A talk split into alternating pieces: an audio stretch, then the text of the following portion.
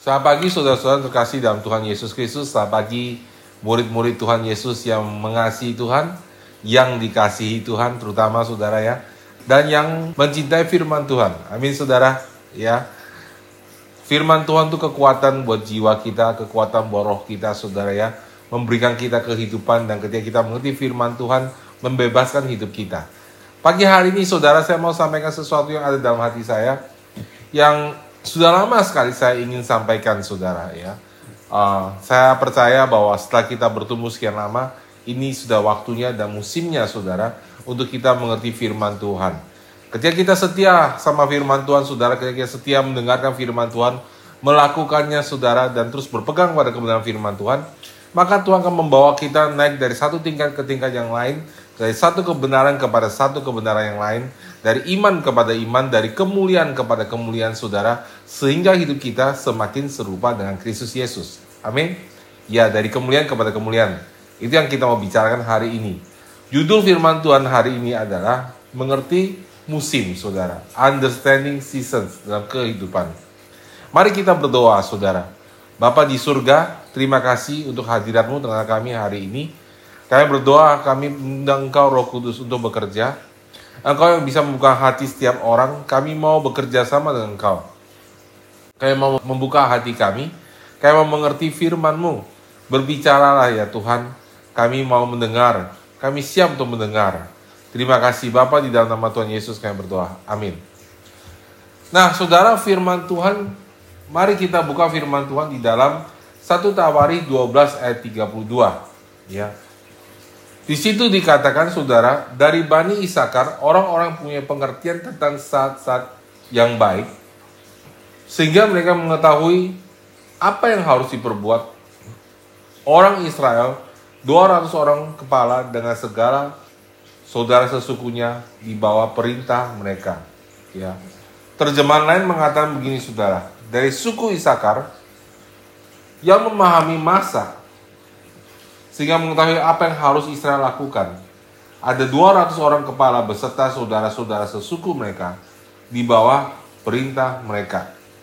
Di dalam terjemahan nama dikatakan daripada Bani Isakar yang sangat cerdik pada mengetahui masa yang baik dan akan barang yang harus diperbuat oleh orang Israel, maka 200 orang penghulu mereka itu yang berbicara akan hal segala saudaranya. Saudara ada Bani di Israel disebut Bani Isakar, saudara. Dikata mereka sangat cerdik. Mereka mengetahui apa yang harus diperbuat. Mereka mengerti tentang saat-saat yang baik. Dengan kata lain, saudara, mereka mengerti musim. Mengerti musim itu sangat penting, saudara. Ya, saya tahu, saudara, di Indonesia kita cuma ada dua musim. Ya, itu sebabnya kadang-kadang sudah menerangkan musim itu agak sulit. Ya, dua musim itu kita berbahagia, kita bersyukur, saudara ya. Kenapa? Karena kita tidak ada musim dingin, kita sepanjang tahun bisa menabur dan menuai, ya. Kita bersyukur banget saudara apa yang Tuhan kasih karunia kepada kita, bangsa dan negara ini, dan kekayaan yang besar saudara, ya, yang luar biasa sekali. Namun saudara, ada juga kekurangannya saudara. Kenapa saudara? Karena negara kita tidak empat musim, kita cenderung bekerja lebih santai saudara lebih lambat. Cenderung lebih malas juga, saudara. Daripada bangsa-bangsa yang di mana negaranya punya empat musim. Kenapa saudara? Karena ketika mereka punya empat musim, saudara, mereka tahu, saudara, tidak semua musim mereka bisa bekerja. Ada musim di mana mereka harus berhenti bekerja. Di musim dingin mereka tidak bisa menabur, tidak bisa menuai, saudara. Ya, segala sesuatu akan mati di situ, kecuali pohon cemara dan karena itu saudara mereka bekerja keras musim ketika musim semi tiba, ketika musim panas tiba, ya, dan mereka mempersiapkan diri mereka dengan baik untuk menghadapi musim dingin. Nah, saudara, di dalam rohani kita, saudara, kita juga ada musim, saudara, ya.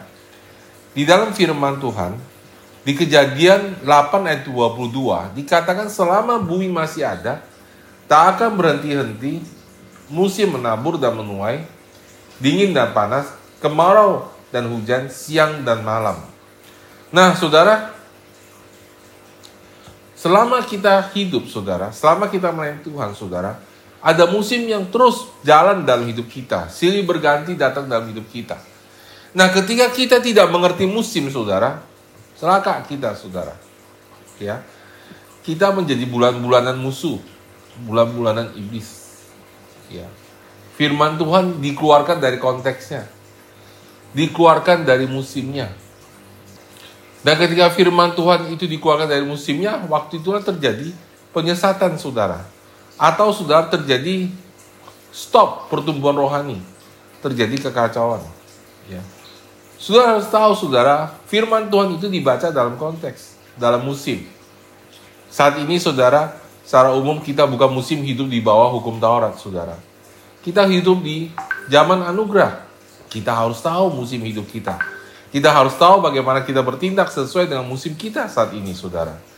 Nah, saudara, mari kita membahas, saudara, tiga musim yang ada dalam hidup kita dan pertumbuhan rohani kita. Di mana, saudara, di setiap musim itu, saudara, kita harus tahu tindakan yang harus kita lakukan. Ya, jangan melakukan tindakan yang salah. Nah, saudara, Musim pertama sudah yang kita sebut adalah musim persiapan, preparation. Wow, saudara ya. Ini musim di mana Allah bekerja mempersiapkan hidup kita, ya. Mari kita buka firman Tuhan. Di dalam Matius 7:24. Setiap orang yang mendengar perkataanku ini dan melakukannya, ia sama dengan orang yang bijaksana yang mendirikan rumahnya di atas batu. Kemudian turunlah hujan dan datanglah banjir. Lalu angin melanda rumah itu. Tetapi rumah itu tidak rubuh. Sebab didirikan di atas batu. Tetapi setiap orang yang mendengar perkataanku ini dan tidak melakukannya. Ia sama dengan orang yang bodoh. Yang mendirikan rumahnya di atas pasir. Kemudian turunlah hujan dan datanglah banjir. Lalu angin melanda rumah itu sehingga rubuhlah rumah itu dan hebatlah kerusakannya. Saudara coba perhatikan saudara, kedua macam orang ini yang Tuhan bilang, baik orang bodoh maupun orang bijaksana saudara, keduanya saudara mendengar firman Tuhan. Nah saudara mereka yang melakukan firman Tuhan itu seperti orang yang bijaksana. Mendirikan rumahnya di atas batu. Saudara gedung kita, saudara kita dirikan di atas batu, fondasinya dari batu. Saudara tahu fondasinya aja sudah sangat mahal sekali, saudara. Ya. Dan lama sekali, ada satu musim untuk kita persiapkan gedung kita dengan membuat pondasinya. Nah, saudara yang terkasih dalam Tuhan, tentu mendirikan di rumah di atas batu itu perlu biaya lebih, perlu waktu lebih, perlu pengorbanan lebih. Sedangkan mendirikan rumah di atas pasir, saudara, orang bodoh itu, saudara. Saudara pernah main pasir di pantai? Membangun rumah-rumahan, membangun istana-istana pakai ember, ya. Satu dua jam sudah jadi indah sekali, saudara. Kemudian kalau gelombang laut datang, hilang semua. Saudara tahu itu tidak akan bertahan. Berbeda dengan saudara orang yang mengerjakan membangun di atas pantai, mereka harus reklamasi. Mereka harus kasih piang pancang. Biayanya jauh-jauh sekali mahal. Si langit dan bumi bedanya, saudara. Dan mereka menghabiskan begitu bertahun-tahun waktunya untuk saudara melakukan reklamasi pantai sehingga rumah yang dibangun di atasnya tidak akan rubuh. Nah, saudara yang terkasih dalam Tuhan, di sini Yesus bilang, lalu datanglah hujan, turunlah hujan, datanglah angin, lalu melanda rumah itu. Perhatikan saudara, ya, turunlah hujan, datanglah banjir, lalu angin melanda. Wah, saudara, dihajarnya bertubi-tubi, ya.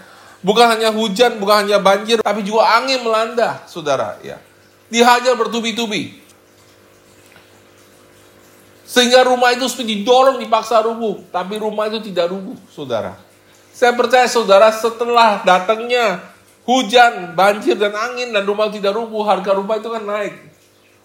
Tapi saudara, rumah yang satunya lagi saudara, jangankan angin nah banjir saudara. ya. Saya rasa rumah yang dibatu di atas pasir, kena angin aja udah rubuh. Yesus menekankan begini, Kemudian turunlah hujan dan datanglah banjir, lalu angin melanda rumah itu sehingga rubuhlah rumah itu dan hebatlah kerusakannya. Hancur saudara. Kehidupan rohaninya hancur lebur. Nah, orang ini main-main saudara. Habisan waktunya saudara tanpa mempersiapkan hidupnya. Dia pikir hidup ikut Tuhan, haleluya, amin. Selesai, saudara. Ya, dia tidak perlu menjadi pelaku firman. Nah, saudara kita perhatikan, saudara. Turun hujan, datang banjir dan angin, itu datang setelah rumah yang didirikan di atas batu itu selesai. Betul nggak, saudara? Nah, saudara, seperti saya kata saya tadi, saudara, kalau saudara mau bangun rumah, saudara, di atas batu, maka waktu yang lama banget. Jadi, saudara, waktunya ini lama sekali. Orang di atas pasir ini saya nggak tahu, saudara. Waktu yang begitu lama dia habisin buat apa aja, saudara. Ya. Nah, saudara terkasih dalam Tuhan, kita perhatikan, baik orang yang membangun rumah di atas batu, maupun di atas pasir itu waktunya sama. Kenapa saudara? Karena saudara datangnya hujan, banjir dan angin itu datangnya sekaligus sabuk. Baik rumah di atas pasir maupun rumah di atas batu. Berarti saudara kedua orang ini punya waktu persiapan yang sama. Nah saudara, kalau kita lihat orang yang membangun di atas batu ini, tentu kita mengerti bahwa waktu yang dia selesaikan waktu dia butuhkan untuk menyelesaikan bangunan itu lama sekali, bukan? Nah, jadi saudara kesimpulan kita, saudara, bahwa musim persiapan ini sangat lama, saudara. Ya, paling lama, saudara. Kita ambil contoh Tuhan kita Yesus Kristus, saudara. Tuhan kita, saudara, seperti kita ketahui, mulai melayani pada usia 30 tahun. Membagikan orang mati, menyembuhkan orang buta, orang tuli, orang bisu, berjalan bersama muridnya sampai dia disalibkan di atas bumi ini tiga setengah tahun pelayanannya. Ya. Banyak orang yang salah mengerti, mereka bilang 30 tahun pertama Yesus kenapa sih nggak ada ceritanya? Oh mungkin dia ke Arabia kali terjadi apa? Itu pengajaran yang salah, saudara ya. Pengajaran yang sesat, saudara ya. Karena kita tahu bahwa Yesus terus bersama dengan orang tuanya. Jadi saudara, Kenapa 30 tahun? Kenapa Alkitab tidak ceritakan apa-apa tentang Yesus selama 30 tahun? Kecuali pada waktu dia usia 12 tahun. Ada satu kejadian khusus dan usia 12 tahun kejadian khusus itu. Itu ada ceritanya, ada kebenarannya yang lain lagi yang kita tidak sharing hari ini. Tapi saudara kita mau bicara selama 30 tahun. Yesus tidak disinggung-singgung saudara kecuali waktu dia lahir, waktu dia disunat, dan waktu dia 12 tahun. Dan setelah itu dia disinggung lagi saya sampai roh kudus turun ke atas dia. Jadi saudara kenapa Alkitab diam mengenai masa itu? Karena itu adalah masa persiapan Yesus. Masa Yesus hidup sebagai manusia biasa dalam ketatan yang sempurna di bawah hukum Taurat untuk mempersiapkan dirinya sebagai korban buat saudara dan saya. Dia mempersiapkan dirinya sebagai manusia yang sempurna yang hidup seperti kita punya tubuh, punya kelemahan, hanya dia tidak berbuat dosa untuk mempersiapkan dirinya setelah itu dia akan melayani tiga setengah tahun. Dan setelah itu dia mencapai panggilan tujuan hidupnya yaitu mati buat kita. Sehingga dosa kita diampuni. Bayangin saudara, Yesus sendiri saudara, persiapannya 30 tahun. Untuk melayani berapa lama saudara? Tiga setengah tahun. Wow. Masa pelayanan, masa persiapan ini, ini masa yang paling panjang saudara. Ya, Pak, saya nggak nggak sanggup Saudara, kalau saudara nggak bisa masuk selesaikan masa ini, ketika masa berikutnya datang, saudara tidak akan siap. Banyak orang tidak mengerti masa persiapan ini, ya. Ini musim yang paling panjang, ya. Kita nggak tahu berapa lama, saudara. Nah, di dalam musim persiapan inilah Tuhan membentuk karakter kita, membentuk karunia rohani kita, mempersiapkan kita kita dilatih baik dalam karakter maupun dalam ketajaman karunia rohani. Kita dilatih untuk peka sama suara Tuhan. Kita dilatih, saudara. Ya. Nah, saudara, banyak orang ketika di, di musim ini mereka gugur, saudara. Mereka nggak tahan, saudara, ketika orang memperlakukan mereka dengan tidak benar. Orang memperlakukan mereka dengan tidak adil. Orang mulai mengata-ngatai mereka. Ya. Coba kita lihat Daud bagaimana, saudara. Di dalam 1 Samuel 16 ayat ke-6, ketika mereka itu masuk dan Samuel melihat Eliab, lalu pikirnya sungguh di hadapan Tuhan sekarang berdiri orang yang diurapinya. Tetapi berfirmanlah Tuhan kepada Samuel, jangan pandang parasnya atau perawakan yang tinggi sebab aku telah menolaknya. Bukan yang dilihat manusia yang dilihat Allah, manusia melihat apa yang di depan mata, tetapi Tuhan melihat hati. Oh ini luar biasa bang saudara. Ya. Dibilang ini saudara, Tuhan bilang, aku telah menolaknya. Jadi sebelumnya saudara, Eliab ini sudah pernah diuji dalam hidupnya. Tapi karena dia gagal dalam ujian, saudara ya, Allah tidak mau pakai dia lagi, saudara ya. Dia udah tidak siap, saudara. Sudah terlalu lama mengeraskan hatinya sehingga Allah tidak bisa merubah lagi hatinya. Seperti Alkitab mengatakan jangan seperti Esau, saudara ya. Ketika dia mencari hak kesulungannya.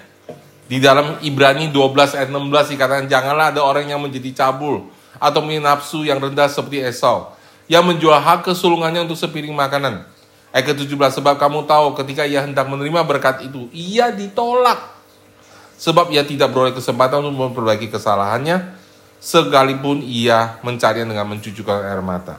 Kenapa saudara? Karena kesempatannya sudah habis. Sudah habis, saudara. Ya. Dia terus mengeraskan hatinya sehingga dia tidak bisa masuk ke tanah perjanjian. Kita kembali ke ayat tadi, saudara.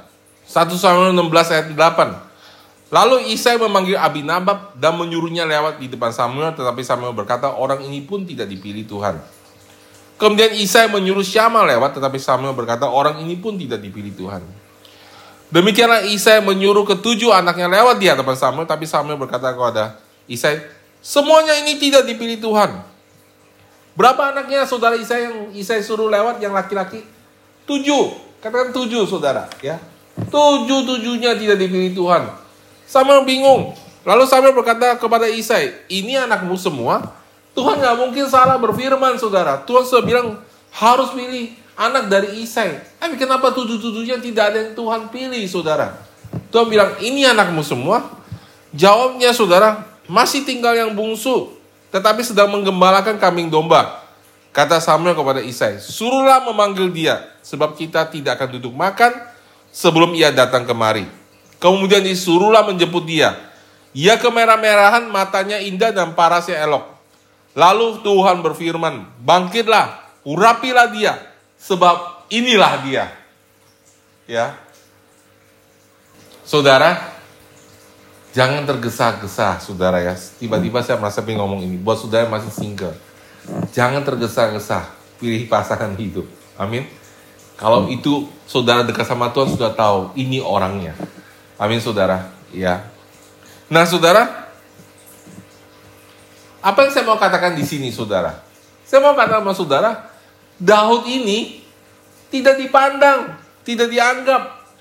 Bahkan sama papanya sendiri di acara yang begitu penting ada seorang nabi datang ke rumahnya mencari raja, saudara. Papanya nggak panggil Daud datang. Apa yang anggap kecil, nggak ada artinya. Siapa sih Daud itu? Saudara, Isai ini bukan bapak yang baik, saudara. Dia tidak memperhatikan anak yang bungsu. Berbeda saudara dengan Yakub, saudara. Nah, saudara, Isai ini justru nggak memperhatikan, sehingga saudara tentu Daud ini sudah biasa tidak dianggap. Daud ini sudah pasti saudara nggak punya pembapaan yang baik.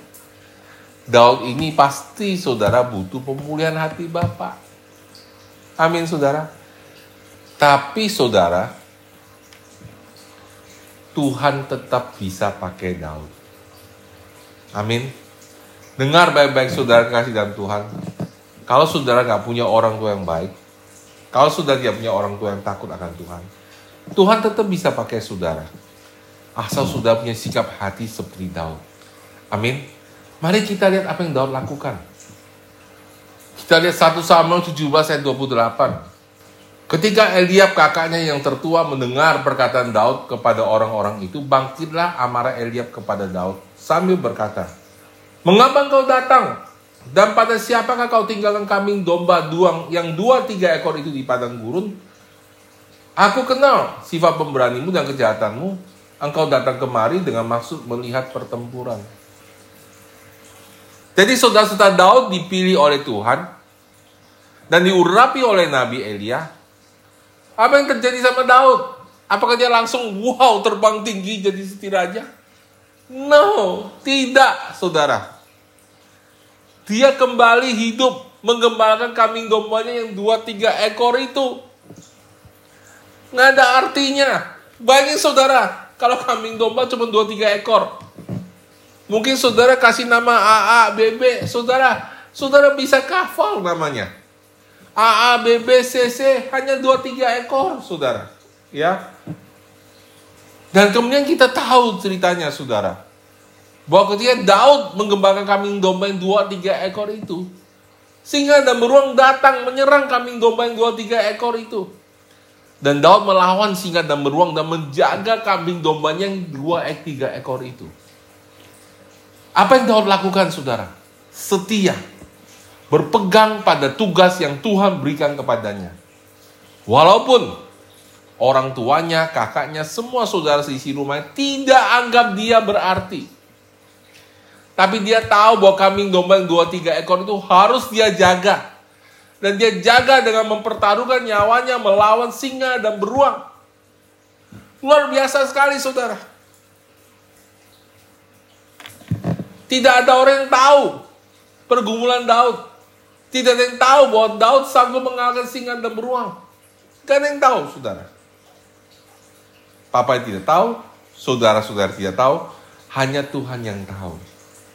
Saudara kekasih dalam Tuhan, dalam hidup saya, saudara, pelayanan saya, saudara, dan istri saya, kita mulai dari sel yang sangat kecil banget, saudara. Kecil sekali. Bahkan saudara, waktu itu kami cuma menggembalakan 3 sampai 4 orang, saudara. Selnya tidak bertumbuh, tapi kami setia lakukan. Karena nggak ada sel lain juga nggak bisa gembalakan, nggak ada tempat lain yang kami bisa pergi, saudara.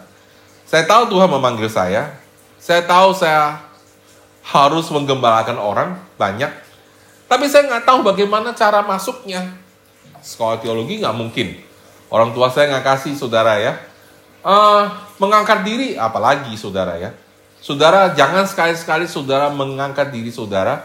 Jangan sekali-sekali tayang sebelum waktunya. Ini penting banget saudara. Tunggu waktunya Tuhan. Kalau saudara seorang penyembah, tunggu waktunya Tuhan memanggil saudara. Ya, kalau seorang sudah seorang gembala, tunggu waktunya Tuhan. Buah saudara akan membuktikannya. Jadi saudara, apa yang Daud lakukan? Dia setia. Hold, saudara. Ya, harus setia melakukan apa yang Tuhan suruh kita lakukan, bukan karena orang yang suruh kita, bukan karena orang lain memuji kita ataupun menyindir kita, bukan karena orang lain menghargai kita maupun tidak menghargai kita, tapi kita tahu saudara semua yang kita lakukan itu untuk Tuhan dan bukan untuk manusia.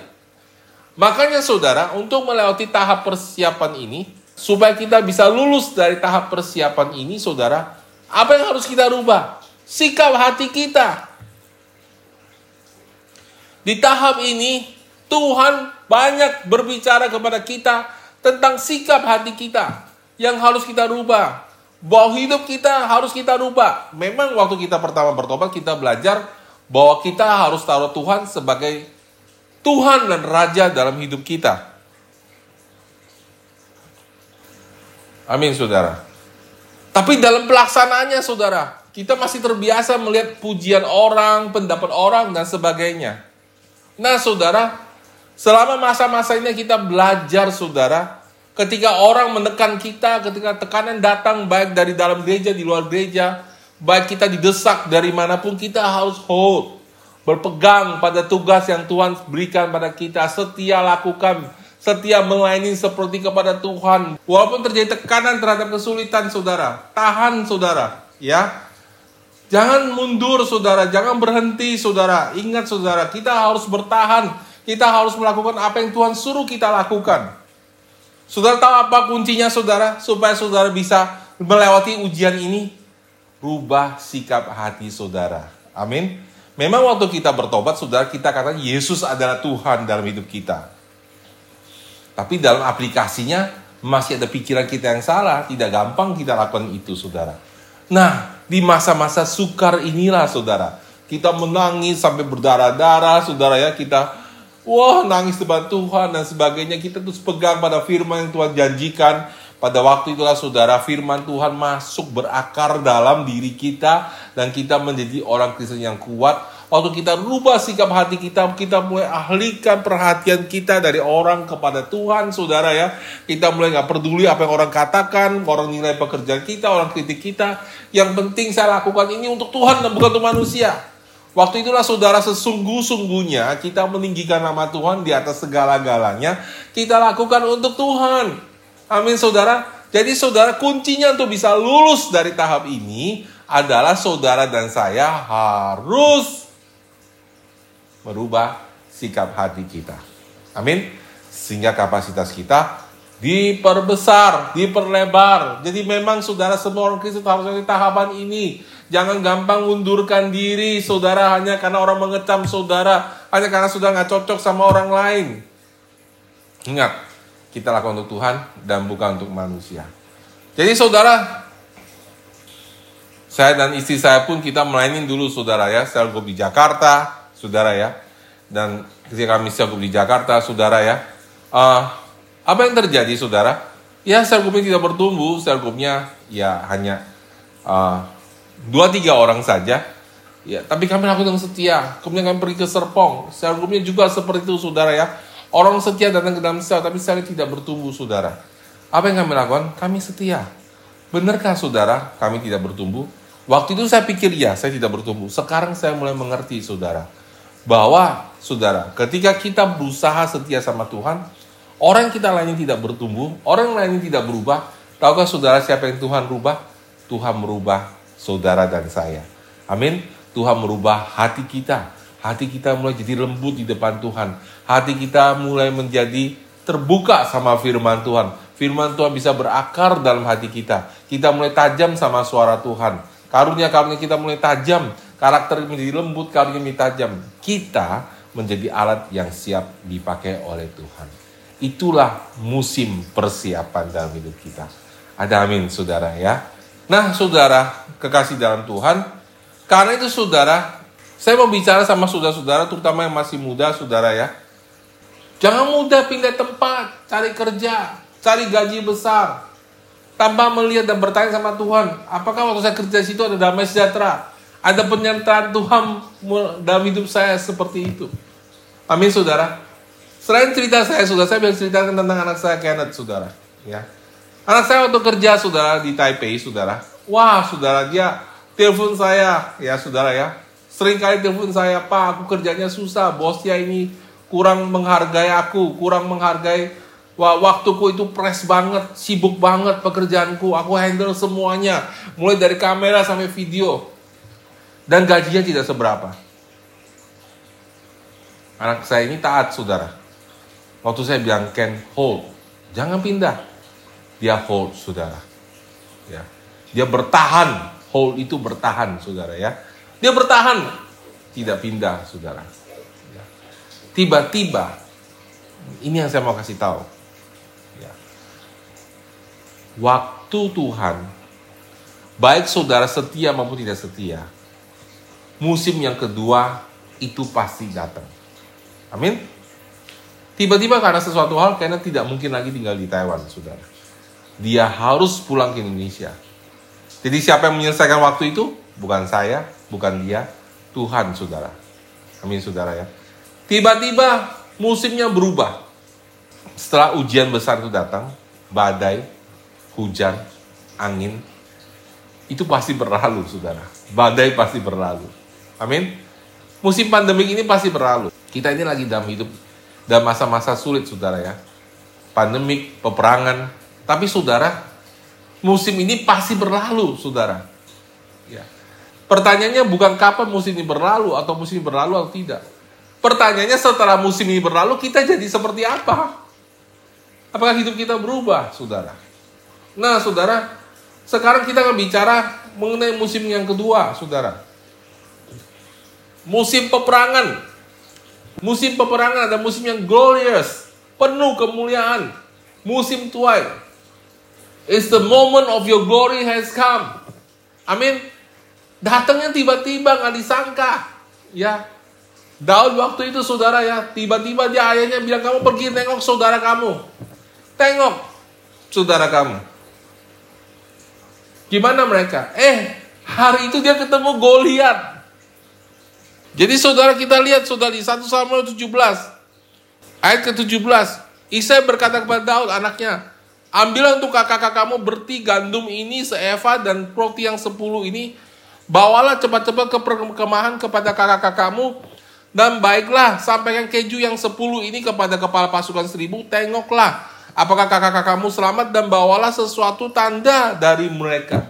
Jadi saudara Daud pergi hari itu bukan untuk melawan Goliat, bukan. Daud pergi hari itu ditugasi untuk nengok kakak-kakaknya. Dia tidak pernah tahu the moment itu datang. Saudara yang kekasih dalam Tuhan, kalau kita nggak siap nih ya di dalam musim yang pertama, musim persiapan, maka ketika musim peperangan, musim glorious, musim kemenangan. Kenapa saudara? Karena peperangan itu saudara, Tuhan tetapkan kita jadi pemenang, bukan menjadi pecandu, bukan jadi orang yang kalah. Pertanyaannya kenapa orang kalah waktu musim perang, saudara? Kenapa orang Kristen kalah ketika musim perang tiba? Jawabannya adalah karena ketika musim perang tiba, saudara, mereka tidak mempersiapkan diri di musim mempersiapkan diri. Persis seperti bangsa Israel, ketika Tuhan suruh mereka masuk ke tanah perjanjian, mereka nggak siap, saudara. Padahal itu adalah golden hour-nya mereka, jam emasnya mereka, golden moment-nya mereka ya. Di mana saudara-saudara dan saya kekasih, itu adalah hari di mana Tuhan membuat saudara dan saya menjadi hidup penuh kemenangan, Tuhan dan membuat saudara dan saya menjadi pahlawan-pahlawan iman yang gagah berani. Tetapi kenapa saudara? Karena waktu persiapan orang Israel tidak mempersiapkan dirinya, mereka tidak berdiri, 10 kali mereka diuji, mereka tidak setia, mereka tidak merubah cara berpikirnya, mereka terus mengeluh saudara. Mereka tidak siap. Kita lihat dalam bilangan 14 ayat 22, semua orang yang telah melihat kemuliaanku dan tanda-tanda mujizat yang ku perbuat di Mesir dan di padang gurun, namun telah sepuluh kali mencobai aku dan tidak mau mendengarkan suaraku. Pastilah tidak akan melihat negeri yang kujanjikan dengan sumpah kepada nenek moyang mereka. Semua yang menista aku ini tidak akan melihatnya. Tetapi hambaku Kaleb karena lain jiwa, sudah perhatikan, yang ada padanya. Dan yang mengikuti aku, ia mengikuti aku dengan sepenuhnya. Akan kubawa masuk ke negeri yang dimasukinya itu dan keturunannya itu akan memilikinya. Kenapa saudara? Kalau kita bilang karena Kaleb lain jiwanya, di mana jiwanya berubah? Jiwa itu bicara pola pikir. Di mana sudah di masa persiapan di padang gurun Kaleb merubah pikirannya sehingga dia siap mengambil janji-janji Allah di dalam hidupnya. Amin, saudara. Saudara mau mengalami janji Tuhan di dalam hidup saudara? Amin. Saudara kan tidak mau pulang ke surga dengan tangan kosong? Amin, saudara. Tuhan menetapkan saudara dan saya untuk menjadi seperti Yesus di dunia ini. Tuhan mau apa yang Yesus lakukan, itu yang gerejanya lakukan. Itu yang saudara dan saya dan lakukan. Untuk menjadi jawaban bagi dunia ini. Tetapi saudara kekasih dalam Tuhan, kita harus mempersiapkan diri. Kita harus ambil waktu mempersiapkan diri. Dan waktu persiapan itu ditentukan oleh Tuhan masanya. Dan masa persiapan itu sudah harus menunggu. Lalu tiba-tibalah datanglah momentum itu. Amin saudara. Ya. Tiba-tiba momen itu datang. Saudara kasih dalam Tuhan. Saya sering pakai contoh ini. Cobalah masa keuangan ya banyak orang yang mengalami masa keuangan. Tapi saudara kalau mau tanya sama mereka, ya masa keuangan mereka, masalah keuangan mereka, pernah nggak dalam hidup mereka, di dalam keuangan mereka, mereka mengalami golden hour, saudara ya?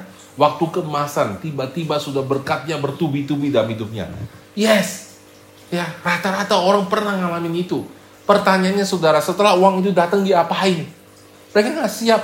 Mereka nggak pernah tahu uangnya harus kelola bagaimana. Mereka tidak terhati dalam hal itu, saudara. Sehingga ketika uang ini datang mereka habiskan dan habiskan dan habiskan. They are not ready, mereka nggak siap. Saudara kekasih dalam Tuhan. Makanya saudara, orang yang dapat sayembara menang tiba-tiba saudara ya. Mereka habisin uangnya, oh kasih saudara aja, kasih ini, kasih ini. Salah saudara ya. Harusnya saudara diinvestasikan. Jangan semua dihabiskan. Amin. Sebagian untuk memperbaiki hidup yang memang udah parah, kita pun perbaiki. Sebagian harus diinvestasikan. Nah kenapa bisa begitu saudara? Karena mereka nggak siap saudara. Demikian pula dalam penuaian saudara ya. Saya sering kali melihat saudara. Tiba-tiba Tuhan kirim jiwa-jiwa datang ke dalam gereja. Jiwa-jiwa itu banyak munculan saudara. Tetapi nggak ada orang siap menuainya. Tidak ada orang siap untuk mengambilnya. Makanya saudara training, waktu persiapan, waktu pelatihan dalam hidup kita itu sangat penting saudara. Kalau tidak penting saudara, ketika momen ini datang, saudara tidak bisa melihatnya seperti murid-murid Yesus. Coba kita lihat di dalam Markus 6 ayat 30 ya. Kemudian rasul-rasul itu kembali berkumpul dengan Yesus dan memberitahukan kepadanya semua mereka kerjakan dan ajarkan. Lalu ia berkata kepada mereka, marilah kita ke tempat yang sunyi supaya kita sendirian dan beristirahatlah seketika. Sebab memang begitu banyaknya orang yang datang dan pergi sehingga makan pun mereka tidak sempat. Ini ekstrim sekali sudah pelayanan Yesus, saudara. Ya, ekstrim sekali. Saya percaya saudara semua pernah sibuk pelayanan, capek pulang, tapi sudah pasti masih makan. Ya. Tapi ini luar biasa pekerjaan Roh Kudus sehingga sampai makan pun mereka tidak dapat, saudara. Kemudian saudara Yesus capek, saudara. Yesus capek. Murid-muridnya capek. Dan Yesus bilang, let's go. Mari kita pergi. Mari kita cari tempat yang tenang. Mari kita beristirahat sejenak. Di tujuan Yesus apa, saudara? Ketika dia pergi, saudara, ya ke tempat yang sunyi, dia naik perahu, bertolak ke tempat yang sunyi. Tujuannya apa, saudara? Tujuannya holiday. Tapi yang ternyata terjadi bukannya holiday, revival.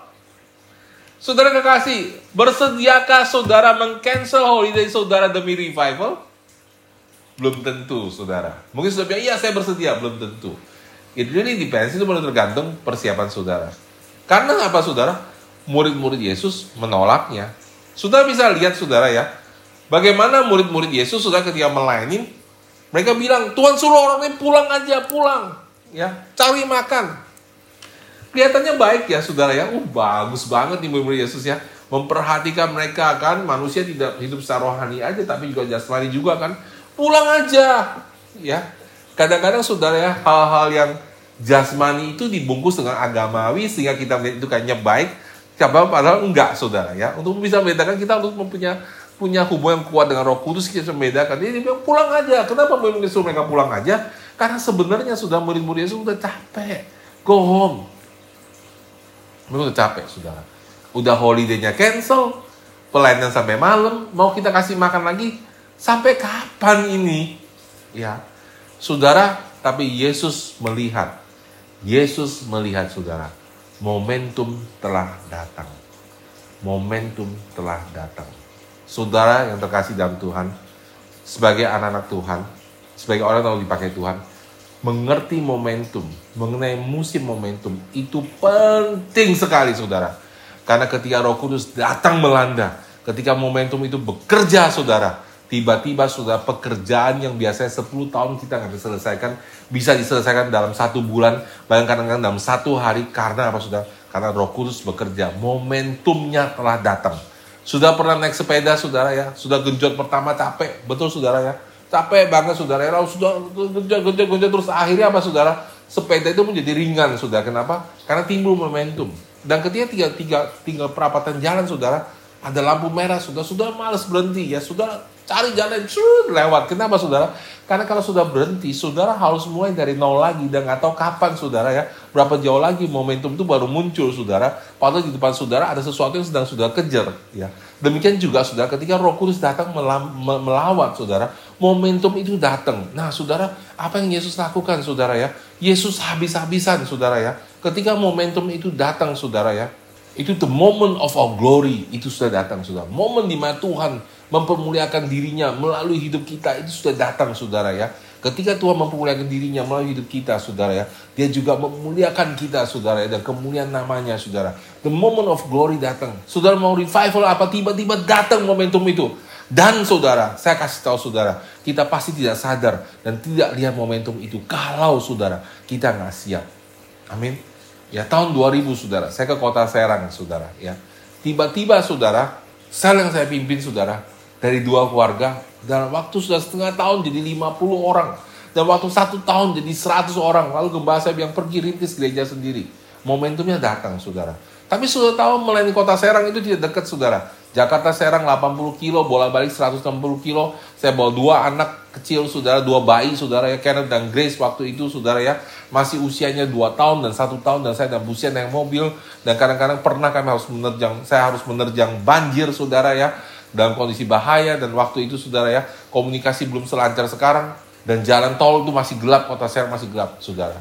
Kami datang terus saudara. Kami terus kerjakan. Kok bisa karena kami sudah terlatih untuk membayar harga amin kami sudah terlatih tidak peduli gereja sejauh apa pun kami pergi, saudara. Ya, waktu kami pergi ke Amerika, saudara, kami pergi ke Brownsville, kami lihat revival, biarpun jauh, biarpun harus antri jam 7 pagi untuk kebaktian jam 6 sore, kami lakukan, saudara. Kami lakukan dua hari berturut-turut, saudara. Kenapa, saudara?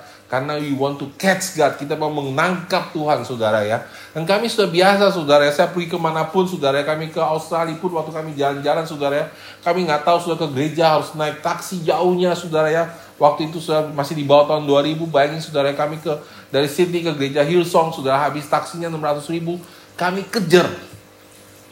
I want to go to church. Saya mau rasakan hadirat Tuhan. Waktu ke Amerika kami datang ke gereja Kenneth Hagin jadi what happened ya waktu di, di kami menggembalakan di gereja Jakarta pun kami datang saudara. Dari rumah kami di Semanan saudara. Ke Roxy untuk penggembalaan itu nggak dekat loh saudara. Kami lakukan itu saudara. Jadi saudara Tuhan sudah melatih kami saudara. Kami sudah terbiasa. Jadi waktu terjadi momentum itu datang saudara. Jarak jauh itu kami tidak pernah pikirkan. Dan kami tidak pikirkan capek saudara. Kenapa saudara karena momennya habis. Kemudian gerakannya akan memelan, akan melambat. Jadi sudah ketika momentum itu datang, rampok musuh saudara. Habis-habisan, tuai besar-besaran sampai kering. Amin. Hajar terus. Setiap musim tuai tiba, petani paling ngerti ini sudah. Kalau musim tuai tiba semua yang kerja di pabrik, yang kerja tukang beca, tukang semua, ayo saudara-saudara semua, siapa pun datang, come on, let's harvest, mari kita menuai. Tinggalkan kerjaan yang lain, nggak usah pusing, pulang kerja, nginjil, pulang kerja, follow up, terus kerjakan karena saudara, the moment will come, will go, momentum itu lewat, saudara. This is the moment. Kita lihat saudara ya di dalam dua Raja 13 ayat 18. Ini cerita Elisa, saudara. Sesudah itu berkatalah ia, ambillah anak-anak panah itu, lalu diambilnya. Setelah diambilnya, berkatalah Elisa kepada Raja Israel, pukulkanlah ke tanah. Lalu dipukulkannya tiga kali, kemudian ia berhenti.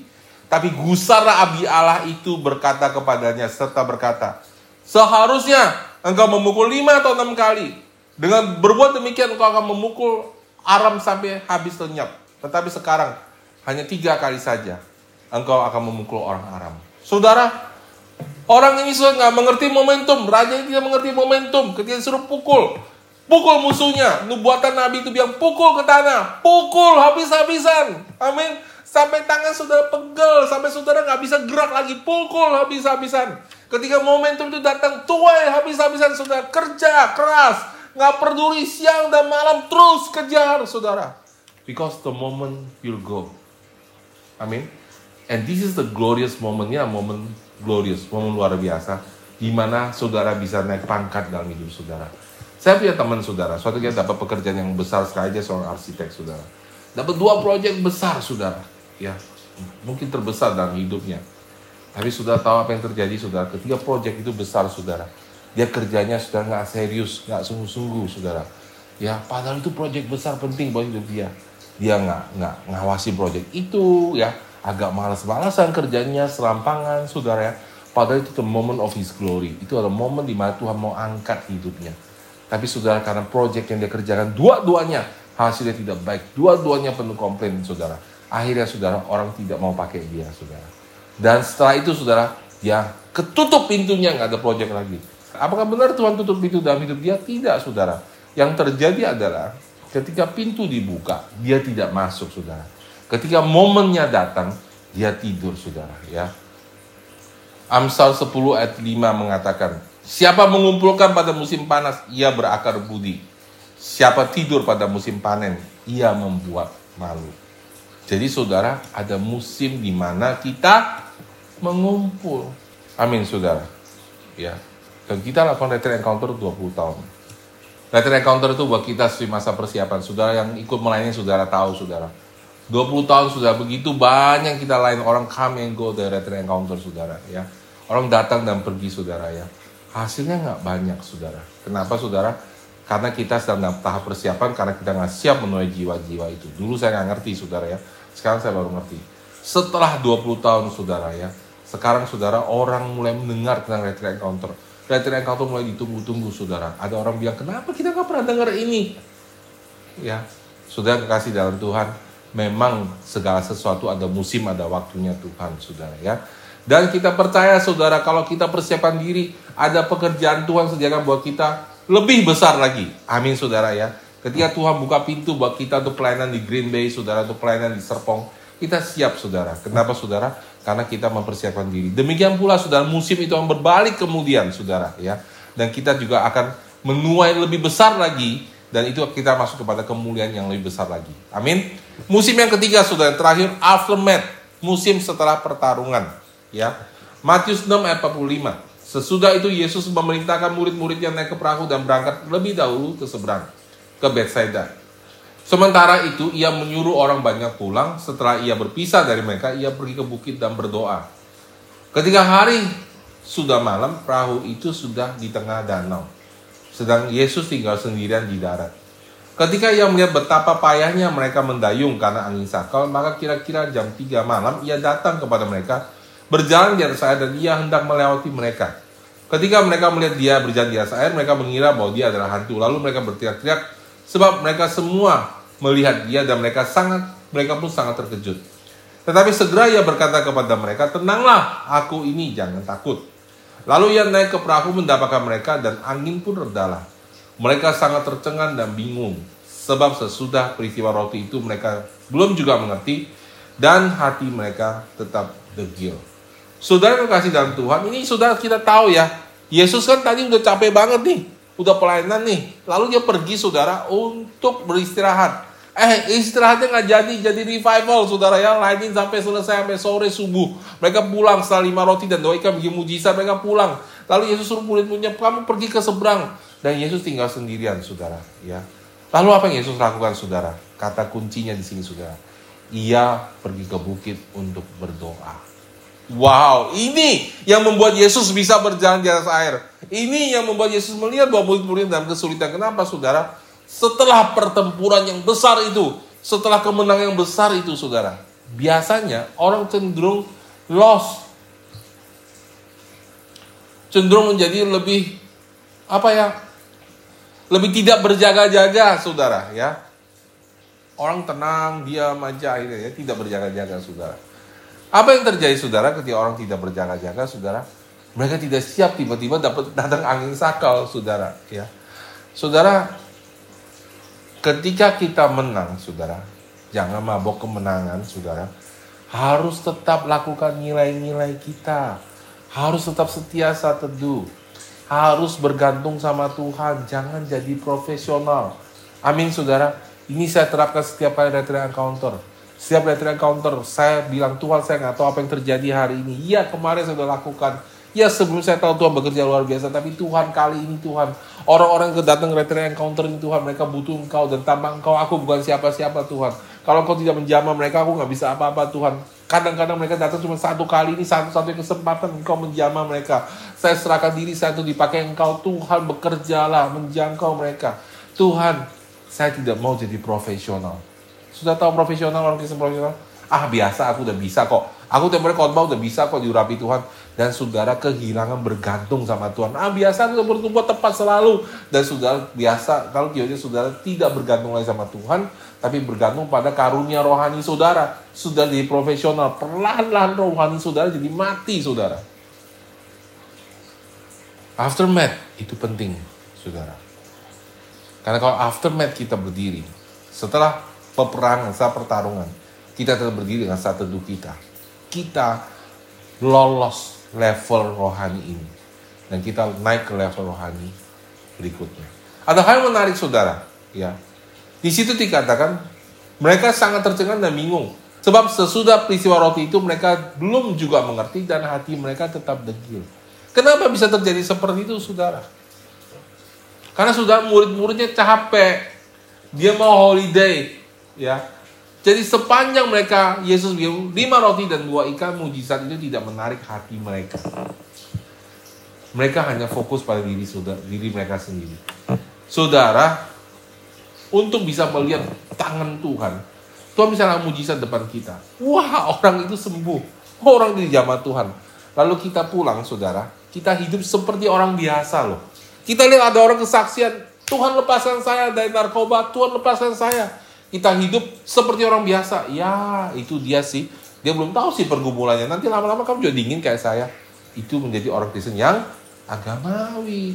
Saudara, ya mulai fokus pada diri dia sendiri, nggak fokus sama Tuhan. Nah ini yang murid-murid Yesus lakukan. Kita capek, kita males. Ya udah selesai lah, kita biasa pelayanan. Kita mau go home, mau pulang sekarang, saudara ya.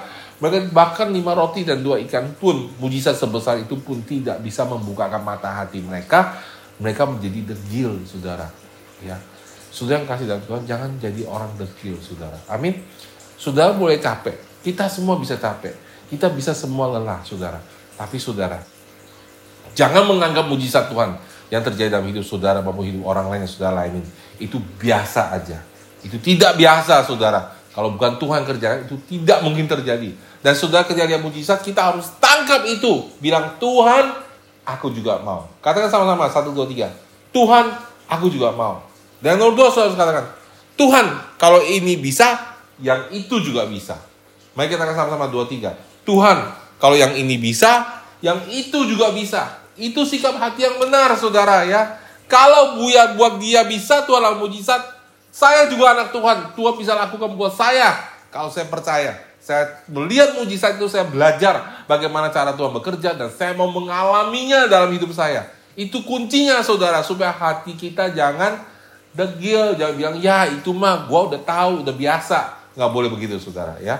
Nah saudara, kalau kita lakukan ini saudara, kita setia di aftermath, kita tetap berdiri, saat teduh kita nggak berubah, waktu orang puji kita, wah kamu luar biasa ya, kamu dihamba Tuhan luar biasa ya kita setia dengan nilai kita. Kita tidak menjadi orang Kristen murahan. Kita tidak kejar uang, saudara. Kita tetap setia melayani Tuhan ke mana pun Tuhan suruh kita pergi. Kemudian, saudara, proses ini akan berulang kembali dari masa persiapan. But, tetapi, with greater glory. Tapi, saudara, dan kemuliaan yang lebih besar. Itulah sebabnya Alkitab mengatakan, dari kemuliaan kepada kemuliaan, dari iman kepada iman. Di dalam bahasa Inggrisnya saudara, di dalam 2 Korintus 3 ayat 18. Di dalam King James Version dikatakan, But we all with open face, beholding as in a glass the glory of the Lord, are changed into the same image from glory to glory, even as by the Spirit of the Lord. Dalam bahasa Indonesia dikatakan begini saudara. Ya. Dan kita semua mencerminkan kemuliaan Tuhan dengan muka yang tidak berselubung dan karena kemuliaan itu datangnya dari Tuhan adalah roh, maka kita diubah menjadi serupa dengan gambarnya dalam kemuliaan yang semakin besar. Amin. Ketika kita lewat tahap ketiga ini, kita ulang lagi persiapan, tetapi saudara, untuk mujizat yang lebih besar, untuk revival yang lebih besar, untuk kemuliaan yang lebih besar. Amin saudara. Saudara mau saudara ya, Tuhan Yesus memberkati saudara. Saya percaya firman Tuhan hari ini sangat penting dan saya percaya saudara buat saudara yang haus firman ini saya berdoa supaya firman tersimpan dengan baik dalam hati saudara, dicatat saudara, disimpan saudara, karena suatu ketika saudara Tuhan akan mengingatkan saudara dan firman yang berguna buat hidup saudara. Amin. Ya. Mari kita berdoa Tuhan Yesus terima kasih untuk semua yang kau berikan kepada kami hari ini. Untuk makanan rohani yang kami terima hari ini. Tuhan, Engkau yang terus setia bekerja dalam hidup kami. Kami mengingat, kami mau mencatat apa yang kau katakan hari ini Tuhan. Dan kami mau mengalaminya Tuhan. Beri kami kekuatan untuk terus mengalami Engkau, untuk kami terus berhubungan dan mengenal Engkau satu itu setiap hari. Dan kami bisa menangkap setiap kebenaran firman-Mu dan mengalaminya dalam hidup kami. Dan pakai hidup kami Tuhan untuk menjadi saksimu, menjadi sumber berkat, sumber mujizat buat teman-teman kami sehingga mereka boleh datang kepada Engkau melalui hidup kami. Terima kasih Bapak kami syukur Engkau telah mendengarkan doa kami. Di dalam nama Tuhan kami Yesus Kristus kami berdoa. Amin. Tuhan berkati saudara. God bless you.